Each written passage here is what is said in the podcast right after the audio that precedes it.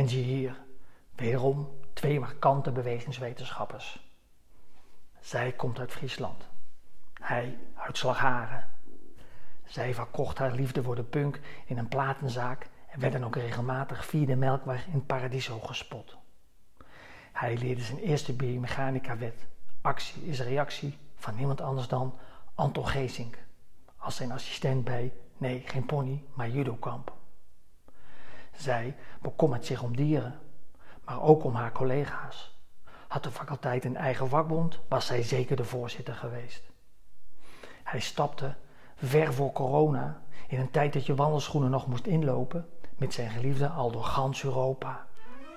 Zij is de vrouw met de langstdurende wetenschappelijke BW-carrière en was daarin zeer succes- en passievol.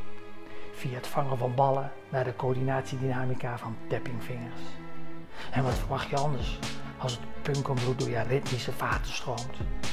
En hij heeft het van linksom naar rechtsom zoomen tot wetenschap verheven.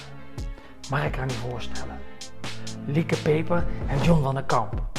Geïnterviewd door onze Sanne en Dax.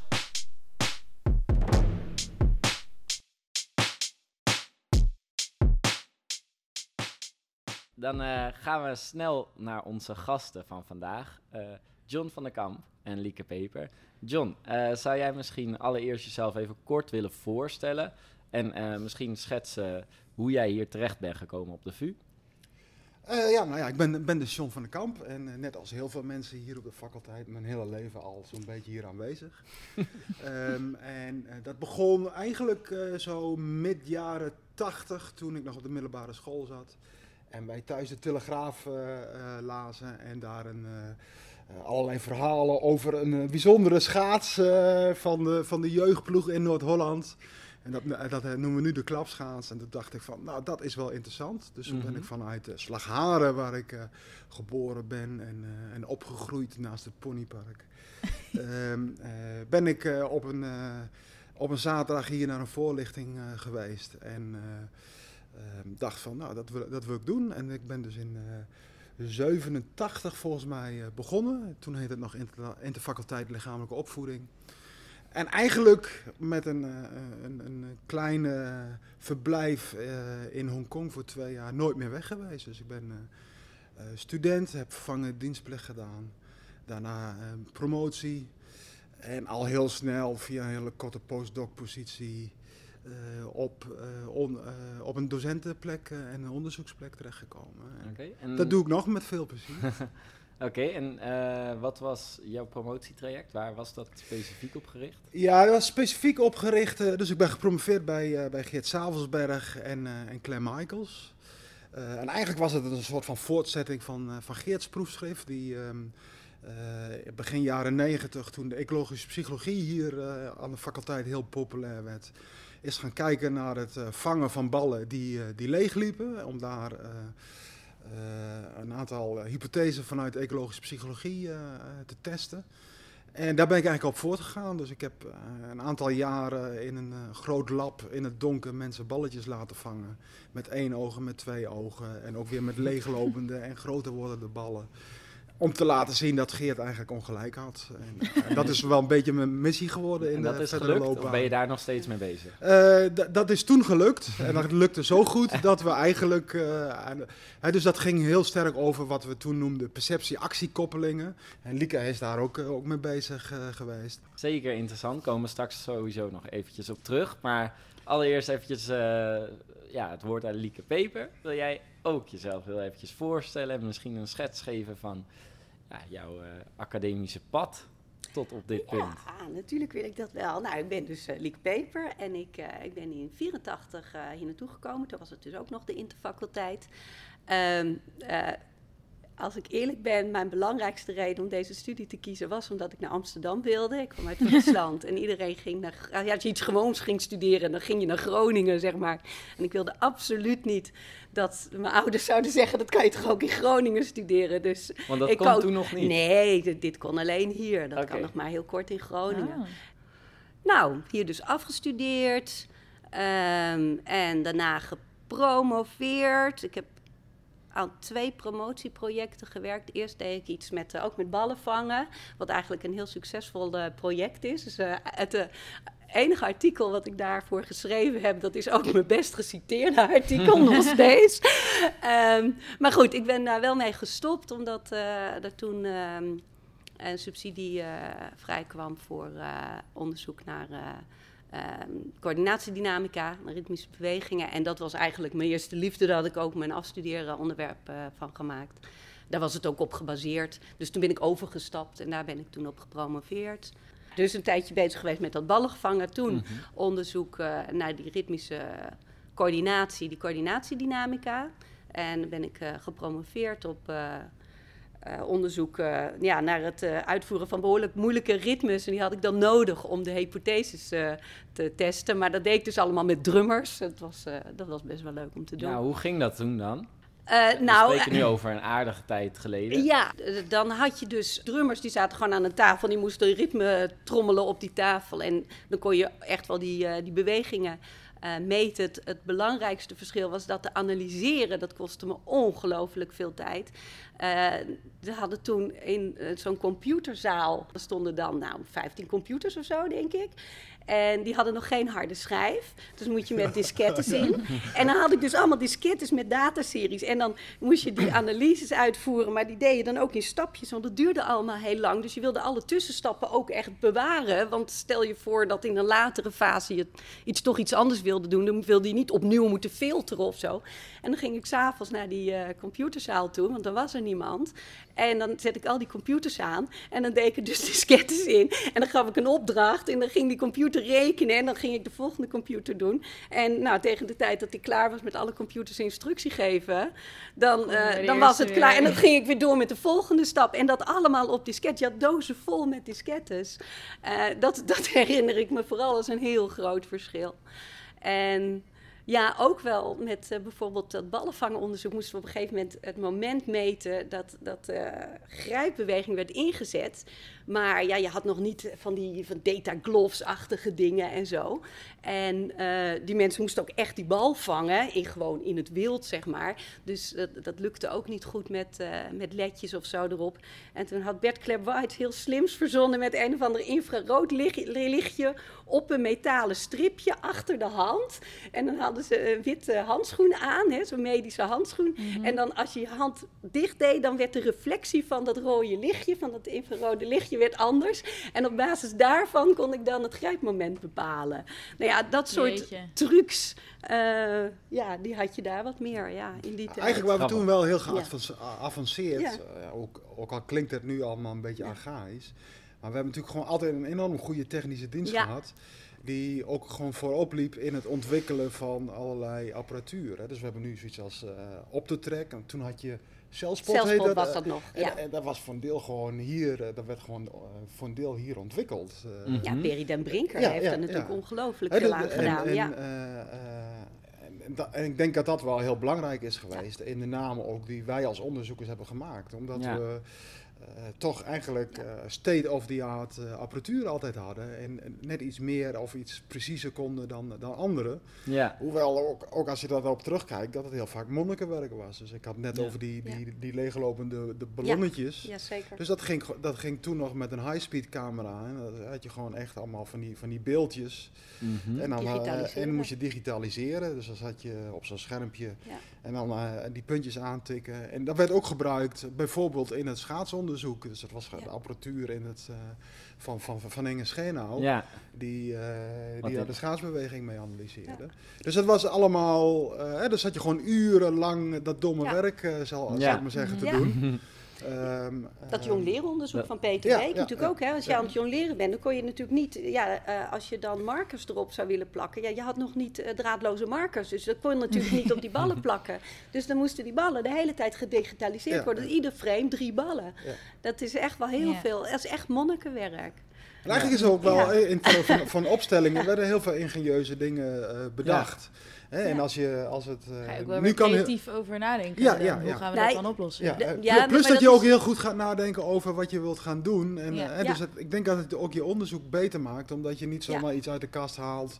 En dan kunnen we toch wel meten en dan zien we wel wat we doen. Je moet goed over nadenken, want er moet speciaal iets voor ontwikkeld worden. En, Ja. Ja, eh, dus ik denk dat eigenlijk uiteindelijk dat dat ook wel voordelen Ja. heeft. Ja. Nou, maar ik En denk, als- John heeft absoluut gelijk dat, eh, dat wij zulk bijzonder onderzoek hebben kunnen doen in die tijd. Dat is voor een groot deel te danken aan, eh, aan de technische dienst. Wij moesten natuurlijk leuke vragen verzinnen, Mhm. maar wat ze wel niet allemaal dan wisten te verzinnen.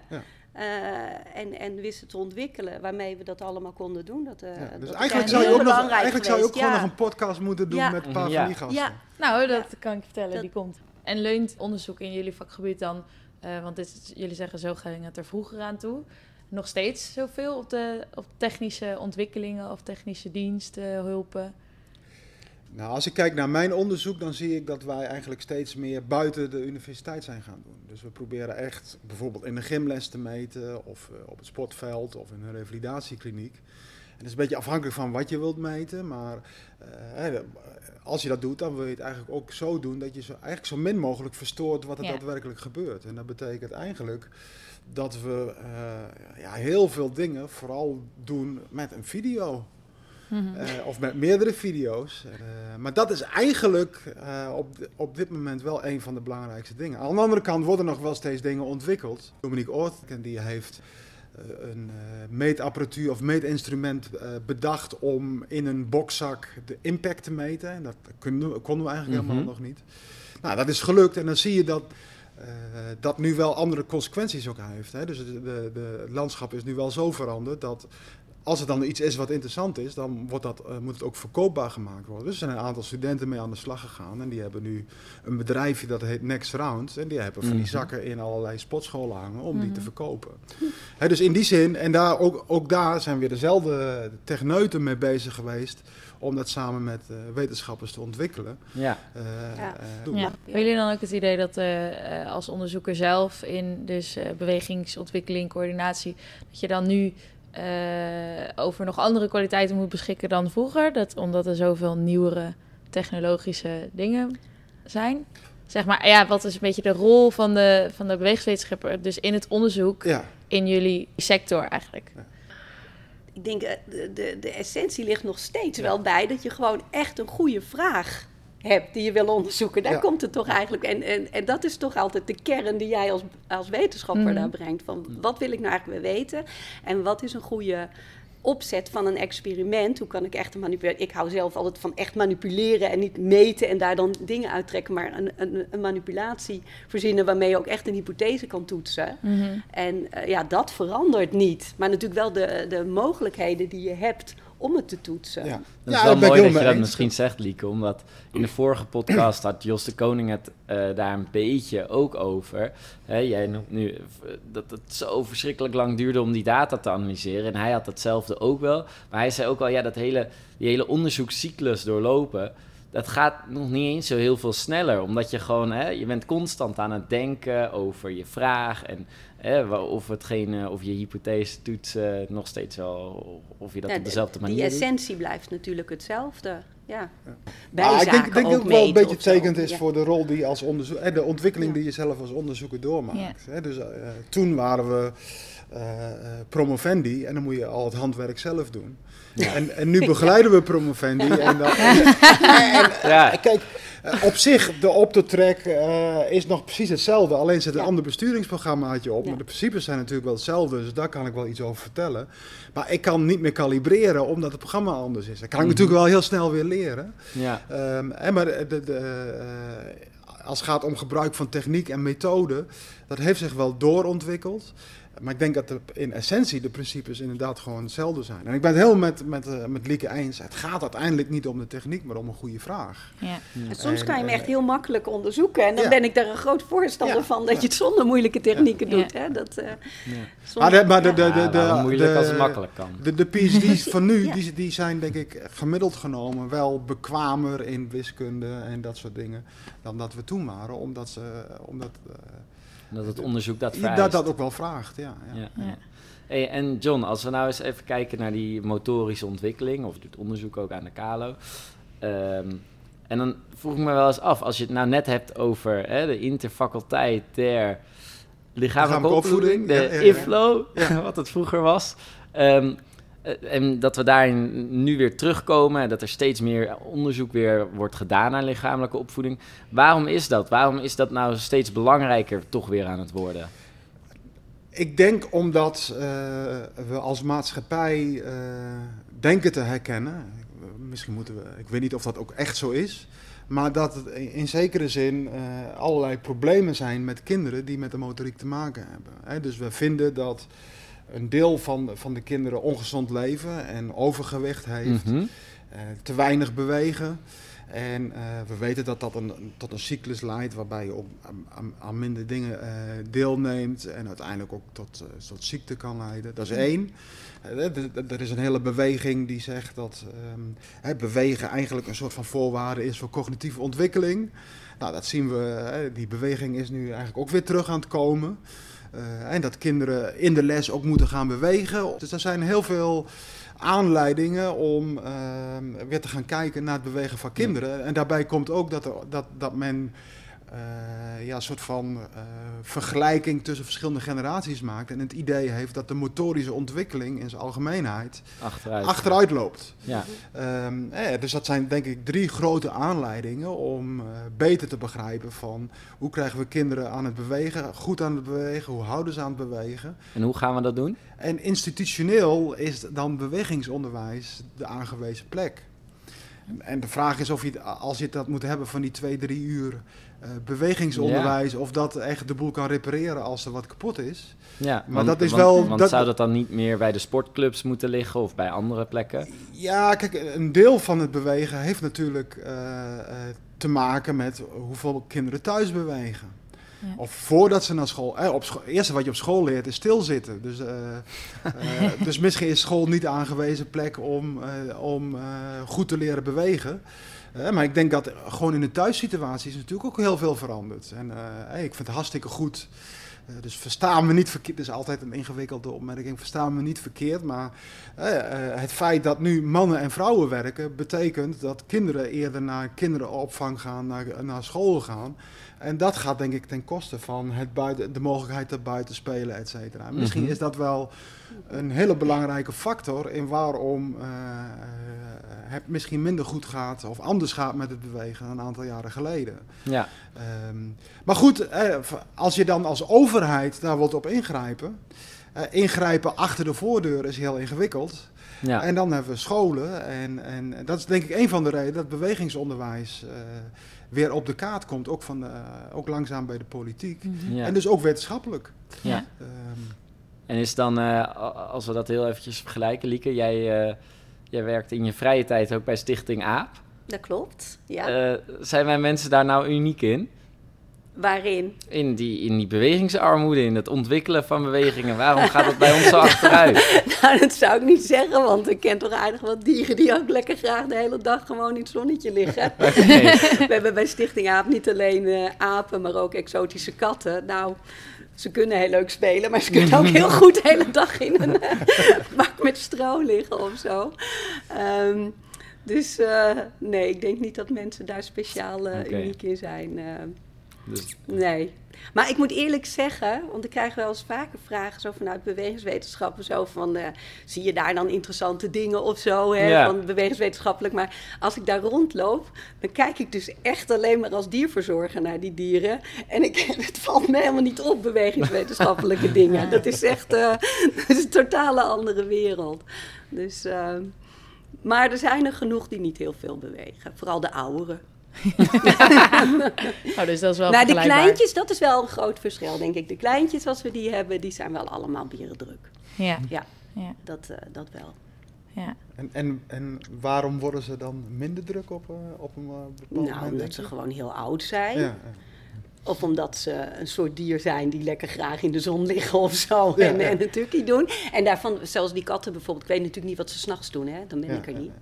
Maar eh, heel veel gymles krijgen ze dan. ja, maar, ja, ja, ze hebben heel veel gymlessen. Nou ja, ik denk, eh, dus Ja. ik denk dat, dat de omgeving en de manier waarop die ingericht is, dat die natuurlijk eh, kan Ja. uitnodigen of Ja. niet kan Ja. uitnodigen tot veel Nou, bewegen. en ja. dat is natuurlijk enorm veranderd. Dat vind ik wel leuk. En, dat, je, eh, dat, ik, dat vind ik heel leuk dat je dat zegt. Want dat is dus typisch iets dat je bij de dierverzorging hebt. Dat heet dan verrijking, hè, wat je aanbiedt. Ja. Ja. En dat moet je dus het doen met dieren in gevangenschap. eh, om te voorkomen inderdaad dat ze nou ja, helemaal inert worden. Maar ook dat ze eh, ja, stereotyp gedrag gaan tonen. Hè, dat ze ja, ze, ze gaan vervelen en ze vervolgens zichzelf de hele tijd maar gaan krabben of iets dergelijks. Of als zo'n olifant in, het, eh, in de dierentuin die maar heen en weer loopt en zo. En dat doe je dus door dingen aan te bieden. Ja. Ja, ja. Zodat En- en ze is- dat mee doen. En dat moet Ja. je kinderen dat dan- ook. dat Je moet bij- het bij aanbieden. Motorisch, Ja. eh, of bij bewegingsonderwijs, dan, eh, eh, dan, dan begint men ook te praten over het aanbieden van een rijk landschap van affordances, Ja. handelingsmogelijkheden. Ja. Dus eigenlijk En- zouden we dat bij kinderen nu ook gewoon Ja, moeten doen. en, en dat is Ja. en, ehm, ehm, eh, en, dat- en dat, ge- dat geeft denk ik een ander accent dan eh, wij misschien ook wel vanuit ons onderzoek voor een, een groot deel gedaan hebben. Als we kijken naar motorisch leren, waarbij we dan proberen om een bewegingspatroon op een of andere manier te optimaliseren. Dat is iets anders dan een, een omgeving aanbieden die uitnodigt Ja. tot allerlei Ja. verschillende Ja. dingen doen. Ja. En, en, eh, en, eh, en dat is ook het ingewikkelde van, denk ik, van de, van de trends in de maatschappij. Dus aan de ene kant roepen we van, nou, we vinden het belangrijk dat, dat kinderen meer moeten en beter moeten bewegen. En dan, dan, dan komt daar geld voor en dan, dan moeten, moet hij ook laten zien dat dat daadwerkelijk gebeurt. Dus dan gaan we allemaal eh, testen doen om te kijken of kinderen inderdaad eh, goed gaan bewegen. Maar die testen, die, die, ja, die meten maar een heel specifiek klein dingetje. Of eh, op, misschien op één been kunnen staan of, eh, of de, dingen, eh, Mhm. een circuit snel kunnen, kunnen, kunnen afwerken. Mhm. En wat je dan krijgt is, en dat is, dat is het gevaar daar een beetje van, dat in zo'n les er ook naartoe gewerkt wordt dat die test goed uitgevoerd wordt. En dat doen we Ja. met studenten Ja. hier net zo. We hebben een, tentamen, Ja. nou, dan gaan we ze goed voorbereiden op dat tentamen. Maar of je daar dan ook er, daadwerkelijk iets van leert, of dat dat je, je, je handelingsmogelijkheden vergroot, of dat, dat je als student laat ontdekken wat je interessant bent of wie je bent, dat is Ja. natuurlijk een heel ander verhaal. Ja. Dus misschien moet er gewoon geïnvesteerd worden in klaslokalen met klimrekken erin. En, Ja, en, eh, ja, eh, klaslokalen met klimlekken en eh, schoolpleinen die Ja. uitnodigen. precies. Maar, en ook niet alleen op school, laten we ook proberen om In de in buurt, de, in de, in de stadsomgeving Ja. eh, dat te doen. Of, of gewoon bij dorpen mogelijk maken dat kinderen inderdaad weer gewoon in een bos of een weiland kunnen spelen Ja. zonder dat daar een hek omheen staat. ja. En dat ze kunnen ontdekken en ook kunnen vallen. Hè, dus dat we, en dat ze thuiskomen en de broek is smerig, dat ze dan niet op de donder krijgen. Maar van, god, heb je leuk gespeeld. Ja. En, eh, eh, en dat ze kind, of dat, dat ze thuiskomen en eh, er ligt een kreukel in het wiel. Ja, dat is, ik- eh, is lullig. Maar dat betekent misschien wel dat ze geëxploreerd hebben en nieuwe Mhm. dingen uitgeprobeerd. En dat is misschien wel heel erg belangrijk Ja. voor goede motorische ontwikkeling. Ik kan me dat ook heel goed voorstellen. Ik heb zelf een tijdje bij eh, het heet de Little Gym gewerkt, waar we gymles, turnlessen aan kleine kinderen gaven. En die omgeving is gewoon he- helemaal ingericht met allerlei kleurrijke blokken en alles is zacht en overal kunnen ze inklimmen. En, en zodra je die kinderen daar loslaat, dan zijn ze een uur lang uit zichzelf alleen maar dingen Ja, aan ja. het ontdekken en bewegen. Ze zouden die Ja. omgeving mee Ja. moeten kunnen nemen Ja, naar precies. huis. Eigenlijk moeten En ze zo thuis- zouden in huis in de gordijnen moeten mogen klimmen. Ja. Ja. Mijn kinderen mochten dat niet, maar we hadden geen gordijn. Maar wel meneer Gordijn, toch? Ja, wel meneer Gordijn. Meneer- Ja, ja, ja. ja, ja, ja. ja professor, professor Ja, Gordijn. professor Gordijn. Ja, professor Gordijn. Nou, hij is ook Ja, is goed. Kijk, als we, als, Ja, als we dit dan overhouden dat er een professor Gordijn is, dan Ja. is dat heel mooi. Lieke, ik zie jou instemmig knikken. Nou ja, dat is, het komt weer allemaal terug. dat, eh, want eh, John en ik hebben alle twee, denk ik, vroeger eh TH Lok gedaan. Ja, ja, ja. En eh, ja, waar je dus eh, ja, diep filosofische teksten hierover eh, las. Echt, ja. En wat, nou ja, wat, wat dan, ik zou dat allemaal niet zo weer kunnen oplepelen, maar dat heeft me wel echt gevormd als wetenschapper. Heeft me op het spoor gezet van bepaalde vragen die ik dan interessant vind. En op een gegeven moment zit je dan ballen te vangen of, of naar eh, drum, drummersonderzoek te doen naar eh, ritmes en zo. Maar de oorspronkelijke inspiratie daarvoor komt uit eh, die filosofische overwegingen. En dan via die ecologische psychologie en die coördinatiedynamica. Ik- dat. Die paste wel goed bij dat soort van denken. En toen is het steeds, zeg maar, soort van praktischer geworden. Al deed ik altijd heel erg, eh, hoe heet het, fundamenteel onderzoek. Maar ja, Ja. dan toch iets wat je kon onderzoeken. Ja. Maar, eh, en ik Ik denk denk- dat wij dat alle twee hebben. Dat het Ik zaadje ik denk dat, dat, dat, dat, dat, dat, dat wij eh, toch in eerste instantie gegrepen werden door die meer filosofische ideeën. En daar, daar zoek je dan een theorie bij en een fenomeen om dat dan weer terug te vertalen Omdat- naar die theorie en die. Ja. filosofie. Mhm. En- Om het handen en voeten Ja, te en, geven eh, in onderzoek. Want ja, zo'n filosofie op zich kan je natuurlijk Ja. verder niks aan toetsen. Dus je, moet, je, je zoekt Nee. een manier om het En, te en, en, toepassen. daarin zijn wij in zekere zin wel een beetje eh ouderwets of artifistisch geworden. Omdat je ziet dat eh, jongere collega's die zijn eh, veel meer geïnteresseerd in praktische toepassingen Ja. en een fenomeen dat ze willen begrijpen. Ja. Mhm. En eh, hè, dus die, die, die filosofische theorieën of zelfs gewoon een, een, een, psychologische theorieën, die, die spelen een veel kleinere rol volgens mij, ook in de opleiding bij studenten, dan Ja. dat dat eh, eh, speelde toen wij nog eh, jong en sterk en knap Nou ja, en, en het, het zegt ook iets over, dat, want het was echt niet dat alle studenten er zo Nee, nee, nee, stonden nee, en nee. alle promovendi. Nee. Maar inderdaad, ik ben nooit geïnteresseerd geweest in ballen vangen of wel in het Nee. trommelen van een ritme. Ik bedoel, daar ging het me helemaal niet om. Het ging om de idee- ideeën erachter. En op een gegeven moment ben je dan wel steeds, word je een expert in zo'n veld. En het is op zich ook interessant. Maar dat is nooit mijn motivatie Nee. geweest. Nee. Maar als jullie oh.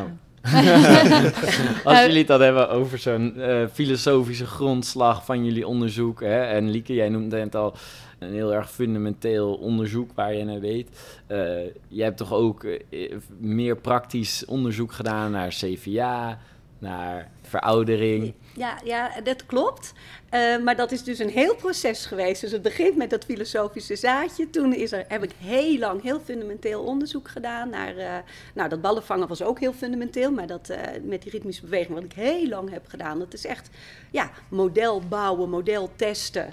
En, en, nou ja, op zo'n manier een idee te krijgen van... nou, hoe zit dat nou met die interacties tussen die ledematen? Maar op een gegeven moment ja, was het voor mij in ieder geval zo dat je denkt van ja, ik kan nou nog eeuwig door blijven gaan in deze eh, theoretische molen. Maar het is toch ook wel interessant om te kijken of we het eh, ergens kunnen toepassen en die Ja. mogelijkheden Is dat niet zich ook wat, voor. eh, Dus het is een heel proces eigenlijk. Maar, dat- veel mensen beginnen Ja. natuurlijk eigenlijk bij die toepassingsvragen. En daar is niks mis mee. Mhm. Ik heb er alleen heel veel tijd voor nodig gehad om daar te Want komen. volgens mij maar vereist de, het de dan- politiek dat ook tegenwoordig toch veel meer. ja, dat je dat is voor mij niet, niet dan de reden geweest. Het is meer dat je Dan zou je het eerder niet doen dan wel doen. Ja. Maar Ik denk, ik, ik denk eerlijk, Ja, ja, ja. ik- ja, maar kijk, ik denk dat een goede we- Ja. wetenschapper ook een beetje tegen draads is. En je wilt eigenlijk gewoon graag je eigen agenda bepalen. Maar ik denk dat een van de dingen die, zeg maar, de, de, de, de, eh, existentieel fenomenologische benadering eh, eh, kenmerkt, is dat je uiteindelijk ook wel iets wilt onderzoeken. Dat, dat gaat over menselijk gedrag in een echte omgeving Ja. en een situatie. En eh, dus die tegenstelling is niet zo heel sterk vanuit eh, dat oogpunt. En het feit dat wij ballen vingen, of onderzoek deden naar ballen vangen, eh, dat was al een echte taak. Dat is al iets heel anders dan een reactietijdtaakje op een, Ja. op een computerschermpje. En ehm, dus in die zin is dat niet zo, ehm, eh, is die stap niet zo heel groot. En ik denk voor mij is dat een belangrijke drijfveer dan dat, dat het allemaal nuttig moet zijn. Ik denk dat een goede theorie die moet ook iets zeggen over wat er, iets, wat er in de gymles gebeurt. En Mhm. als je, als je dat wilt, dan moet je ook echt daadwerkelijk in die gymles gaan kijken. Mhm. En eh, dus in die zin denk ik dat ehm, eh, dat, aan, eh, hè, dat dat ook toegepast is. Maar het, ik denk dat nog steeds niet voor, eh, voor geen van beiden voor opstaat dat we een toepassing willen vinden die, waar de praktijk wat voor heeft. Ik denk toch dat we een fenomeen willen begrijpen of een proces willen begrijpen. En als je die goed wilt begrijpen, dan moet je in het wild kijken. ja. En niet in, niet in het laboratorium. Want eh, over het algemeen zitten wij eh, niet in het laboratorium. Dat is niet onze meest eh, representatieve, met een mooi Omgeving. woord, omgeving. Ja. Ik vond het net wel mooi dat jullie, want ik was eigenlijk heel benieuwd hoe jullie eh, eh, terecht zijn gekomen eigenlijk in bewegingscoördinatie ontwikkeling. En toen, je vertelde eigenlijk al uit jezelf van, nou, dat zaadje is geplant bij die filosofische overtuiging eigenlijk. En je schetst nu een, eh, een kader van dat, we dat, dat jullie dat vroeger wat meer deden en dat nu die vraag is heel belangrijk in het onderzoek en dat die meer daaruit kwam en dat die nu meer uit de praktische eh, toepassing komt. Eh, en je zegt nu net, oké, eigenlijk heb je ze allebei nodig. Is dat dan waar we naartoe aan het gaan zijn of waar we naartoe zouden moeten? Als we dan kijken naar waar staat bewegingsontwikkelingscoördinatieonderzoek over een aantal jaren. Ik denk dat het alle twee, wat je, wat je net zegt, je hebt, je hebt alle twee die kanten. Je, het, het is zeker nodig dat je ook door blijft gaan met die theoretische ontwikkelingen. Mhm. Hè? Want anders dan, wat je zegt, dan droogt het op. Dan ga je gewoon allemaal, nou dan is er een probleem en dan ga je naar kijken. En dat, eh, maak je een, eh, een, een ad hoc theorietje daarover en dan los je dat op. Ik denk dat het altijd belangrijk blijft dat er mensen werken aan eh, ja, meer generale ideeën. Dus theoretische ideeën over wat er, hoe het nou eigenlijk werkt. Ehm, en dat je aan de andere kant, ja, het ook natuurlijk graag, je wil er ook wel eens wat aan Mhm. hebben. Dat is Ja. best, Daar is niks mis mee Nee. natuurlijk. Maar ik maak me daar wel een Ja. beetje, beetje Ja. zorgen over. En dat is niet, niet specifiek op bewegingswetenschappen, maar wel in de manier waarop we op dit moment in de maatschappij eh, dat georganiseerd hebben. Ja, dus eh, de- als je kijkt naar eh, een belangrijke bron van financiering is natuurlijk gewoon de overheid en, en NWO, Mhm. de Nederlandse Wetenschap, eh, Organisatie voor Wetenschappelijk Onderzoek. En je ziet dat daar een enorme verschuiving is. eh, hè, to- Toen, eh, eh, 30 jaar geleden was dat echt fundamenteel theoretisch onderzoek en, Mhm. eh, Ja. en toepassingen. Dat, dat- En nu is het eigenlijk alleen nog maar toepassing. En ik denk dat eh, hè, Ja. dat, dat, eh, Ja, hebt dat, dat, Zou dat voor jou zijn- dan ook wel over tien jaar nog eh, jezelf interesseren om onderzoek te doen? Jawel, kijk, wij, wij zijn natuurlijk ook wel. eh, wij, wij zitten hier nog omdat wij ook heel adaptief zijn. Dus ik kan heel goed met het systeem omgaan. En denk ik, of in ieder geval goed genoeg om, te blij, om op mijn plus te Beetje blijven tegen de zitten. draad zijn. Ah, heel goed, dat is. Ja. eh, nee, ik moet wat Ja, bescheiden nou ja, zijn. Eh, eh, eh, eh, om- mensen. maar we zijn heel adaptief. En eh, dus eh, eh, ik doe onder andere onderzoek naar het stoppen en schieten van, van strafschoppen, omdat mensen daarin geïnteresseerd zijn. Ik vraag me niet waarom. Maar ik, ik denk dat dat ook een hele mooie paradigma is. Onderzoeksparadigma om vanuit ecologische psychologie naar te kijken. Hè? En, om, een van de laatste artikelen die ik zelf geschreven heb, dat is eigenlijk gewoon een artikel eh, waarin ik dat model van Lieke geleend heb en toegepast heb. eh, Dat is een oud model hoor. ja, ja, ja. ja, dat is oude wijn in nieuwe Wat zak. is het? in nieuwe, 19, wanneer, wanneer had ik dat gezien? 1994 denk ik, 94, ja, Ja, ja. En, eh, en dus ik, ik heb dat eh, Required Velocity model, Ja, zoals dat ja, mooi heet. Wel gewoon Toen- correct naar eh, verwezen. ik Ja, ja, ja. nou één keer en verder de, de eer aan mezelf, Eén eh, zelf gehouden. Ja, ja, ja. Ah, Extra citatie, check. ja. En, en, en eigenlijk wel, op zich wel heel grappig. Dat was dus eigenlijk mijn eerste, eerste artikel waarin ik min of meer eh, zelf een, eh, een eh, wiskundige vergelijking op durfde te schrijven. die sterk gebaseerd is op, op het model van, van Lieke. Want die, daar stond Ja, wat ja. wiskunde in. En het, grap, en het grappige is dan, dan gaat dan over keepers. En, eh, en in Nederland zijn ze niet zo, eh, niet zo bij de pinken wat dat betreft. Maar in, in het buitenland, zo gauw als het over voetbal en penalties gaat, dan zitten ze daar bovenop.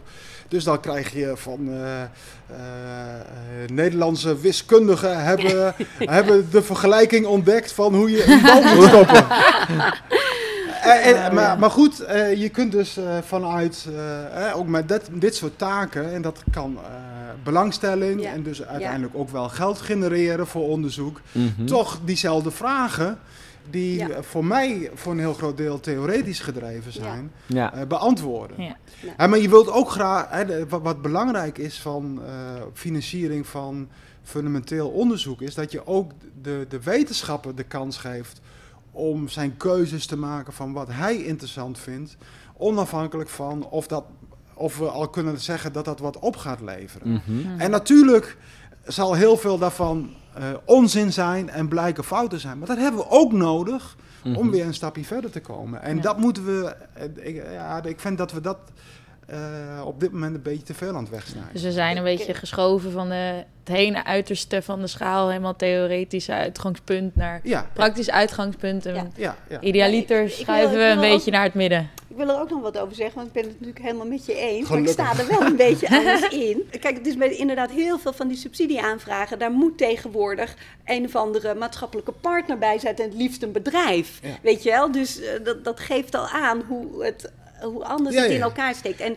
ik vind, John, jij bent heel goed in, eh, in daar je weg in vinden en zo. Ik moet zeggen dat eh, ik ben me daar wel, wel steeds meer aan gaan ergeren. Aan die manier waarop het werkt. Het alleen maar om geld draait en dat hameren op een, direct productachtig iets eh, te moeten leveren. Ja, dat ligt me gewoon minder. Maar jij, jij bent er erg goed in, vind ik. Kijk, uh, ik denk ook dat dat een van de redenen is. Je ziet dat er heel veel van onze collega's dat die hun werk verdelen op verschillende plekken. En ik vind het eigenlijk ook wel heel erg leuk, omdat, uh, kijk, ik weet natuurlijk best wel veel van, uh, van bewegen, maar ik weet vooral veel wat andere mensen daarover geschreven hebben. De studenten die ik, ik geef daar ook les in de, in de master, dat zijn dan bewegingsonderwijzers die al vijf of tien jaar bezig zijn. Die hebben echt verstand van bewegen en mensen bewegen, bewegingen aanleren. Ik heb nog nooit voor een klas gestaan. Nee. Um, en... Uh, maar je hebt wel verstand van bewegen. Ja, precies. En, en ik weet wat er in de wetenschap gebeurt. En, en, uh, en ik denk dat die combinatie van die twee. De ene, de ene praktijk is niet meer waar dan de ander. Dus wat wij doen, ook al proberen, doen we ons best, dan gaan we steeds meer de gymles in. Heel veel van wat wij, eh, als we een, een, een studie doen aan motorisch leren, dan, dan, dan, geven we iemand een, een, een golfclub en, en 100 ballen en dan laten we hem een uurtje in het lab en dan doen we dan drie keer uh, en daar leiden we allemaal uh, principes uit af over bijvoorbeeld expliciet en impliciet leren. En dat mm -hmm. als je dat dan op zo'n manier doet dat je er niet te veel bij nadenkt. En je zegt dan tegen de proefpersoon aan het eind van we pakken je geld af als je niet uh, 50% van de ballen erin slaat. En dan worden die arme studenten worden zenuwachtig en dan gaan ze er meer missen. En dan zeggen van ah, dat gebeurt als je expliciet leren doet, maar niet impliciet leren. Dat is gebaseerd op studies in het lab die heel kort duren. En, um, um, en die zeggen misschien niet zo gek veel over daadwerkelijk leren in een uh, bewegingsonderwijs, waar kinderen dat zes jaar doen of zeven, of op een sportclub of wat dan ook. Mm -hmm. En daar word je wel met de neus op de feiten gedrukt als je dan uh, uh, uit de universiteit op een andere plek werkt, waar mensen daarmee hebben te dealen. Mm -hmm. Hè? En, en, en ik denk dat dat ontzettend belangrijk is en echt heel veel meerwaarde heeft. En dat kun je, dat kun je hè, want daar begonnen we over, dat kun je ook verkopen uh, in, uh, in aanvragen om geld te krijgen. Ja. Ja. Nou, dat zijn mooie afsluitende woorden. Nou, nou, nou, nou, nou, nou, nou sluiten we net af alsof ik een uh, verkoper ben. ja. ja.